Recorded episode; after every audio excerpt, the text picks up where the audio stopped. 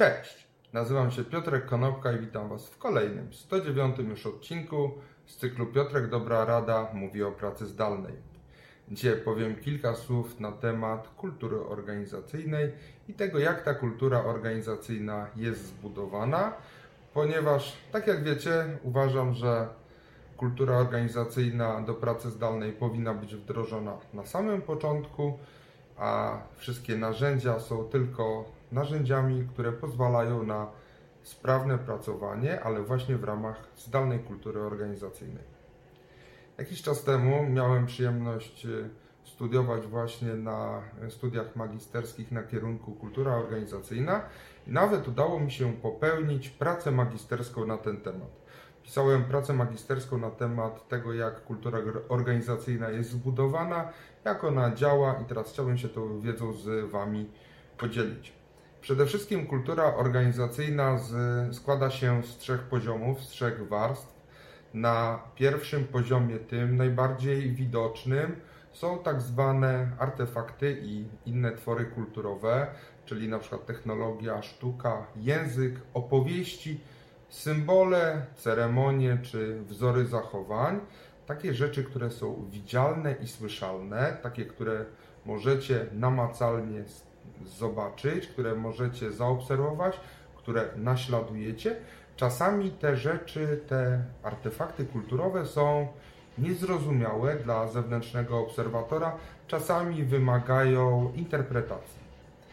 Drugim poziomem kultury organizacyjnej są rzeczy y, takie jak normy wartości, wytyczne zachowań, zakazy, nakazy i różnego rodzaju inne ideologie. Jest to e, powiększony czy poszerzony taki poziom świadomości. Częściowo te rzeczy są widoczne, częściowo te rzeczy są niewidoczne. I trzecim, takim najgłębszym elementem e, kultury organizacyjnej to są założenia podstawowe tej kultury. One są najczęściej nieświadome, zawsze są niewidoczne, a ten ostatni, najgłębszy etap składa się z takich elementów jak stosunek do otoczenia, natura rzeczywistości, czasu, przestrzeni, czyli co jest prawdą, co jest e, kłamstwem, bo to też kultura organizacyjna dyktuje takie postawy. A w tym e, zakresie znajduje się też natura ludzka, czyli jakich ludzi przyciągacie, natura ludzkiej aktywności oraz natura stosunków międzyludzkich. Ale żeby nie zostawić tego odcinka tak bardzo teoretycznie, czyli na poziomie bardzo ogólnych trzech e, poziomów kultury organizacyjnej, dzisiaj powiem trochę więcej na temat artefaktów. Artefakty kulturowe są to e, te rzeczy, które, tak jak już powiedziałem, widać i można je odczuć w kulturze organizacyjnej. E, to są twory werbalne, czyli takie jak język, opowieści, mity, opowiadania, różnego rodzaju legendy i historie, które się zdarzyły. Są to elementy behawioralne, ceremonie, rytuały oraz fizyczne, takie jak sztuka, technologia, architektura, czyli na przykład biurowce, które widzicie, e, i inne materialne wytwory, które są związane ze sztuką. I chciałbym dzisiaj Wam opowiedzieć właśnie o tych elementach, które składają się na te artefakty. Przede wszystkim to, co na samym początku można zauważyć, to jest logo firmy, a czasami można też przeczytać misję firmy. Czyli logo to jest pierwszy element, który stanowi o kulturze organizacyjnej, z którym ludzie się stykają. Misja firmy to jest to, do czego firma E, znaczy co firmę inspiruje, bo rozróżnienie między misją a wizją jest takie, że misja to jest to, co nas inspiruje, a wizja to jest to, do czego aspirujemy. Natomiast w odniesieniu do pracy zdalnej, no, logo niekoniecznie musi ulec zmianie, natomiast być może misja, czyli to, co nas inspiruje, być może misja już powinna ulec zmianie. Drugim elementem to są symbole. Symbole mogą być na przykład y, architektoniczne, takie jak budynki czy koncepcja rozplanowania biura. No i te symbole architektoniczne na pewno ulegną zmianie. Tutaj mówimy też o symbolach statusu, czyli na przykład przywileje służbowe, samochód czy posiadanie asystentki bądź sekretarki. I również w ujęciu pracy zdalnej te symbole statusu również mogą ulec zmianie. Trzecim elementem to są symbole fizyczne, sposób ubierania się, standard wyglądu, identyfikatory, badge, różnego rodzaju piny.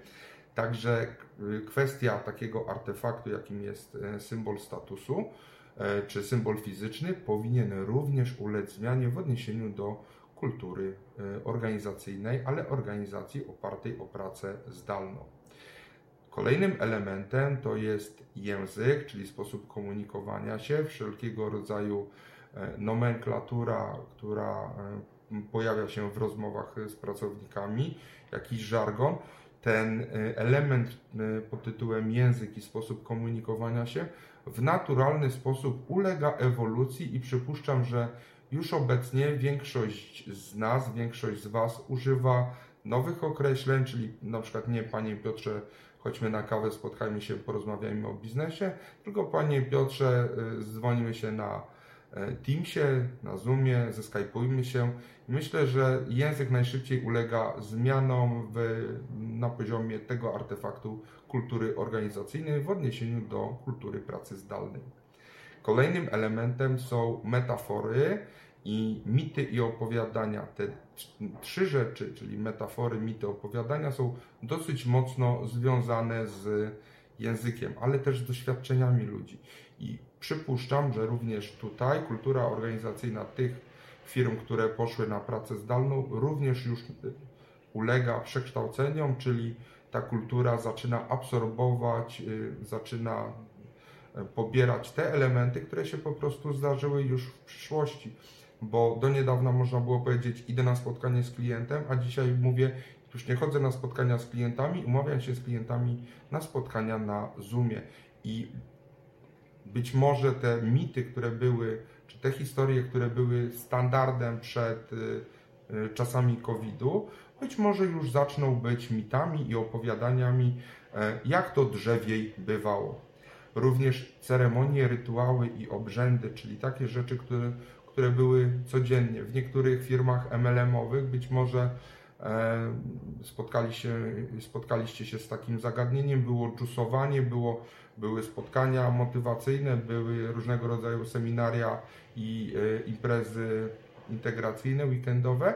Teraz te ceremonie, rytuały i obrzędy przeniosły się całkowicie do online'u.